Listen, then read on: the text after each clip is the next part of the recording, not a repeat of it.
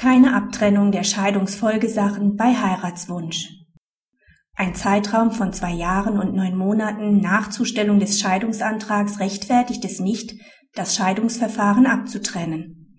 Dies gilt selbst dann, wenn der Ehemann seine Lebensgefährtin durch Heirat absichern will. Die 1946 geborenen Parteien schließen 1970 die Ehe. 2005 beantragt der Ehemann die Scheidung.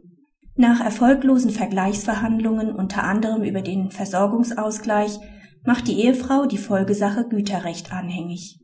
Nach zwei Gutachten beantragt der Ehemann die Abtrennung der Folgesache Güterrecht. Das Amtsgericht trennt nach zwei Jahren und acht Monaten ab.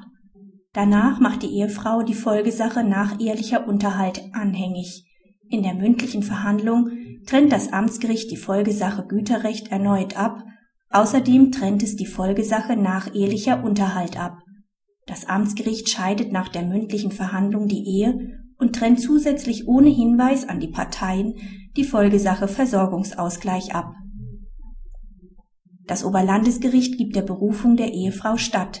Entgegen 301 ZPO ist ein Teilurteil ergangen obwohl die Voraussetzungen des Paragraphen 628 Satz 1 Nummer 4 ZPO nicht gegeben sind.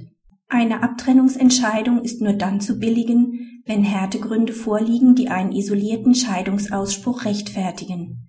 Sinn des Verbunds ist, dass ein Ehegatte diesen Status nicht verliert, ohne dass eine Regelung über die Folgen getroffen ist.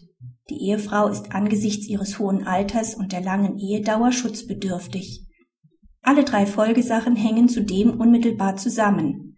Das Interesse des Ehemanns, der noch einmal heiraten möchte, um sein Lebensgefährten abzusichern, überwiegt angesichts der langen Ehedauer der kurz vor dem Ruhestand stehenden Parteien und der Bedeutung der Folgesachen für die Ehefrau nicht.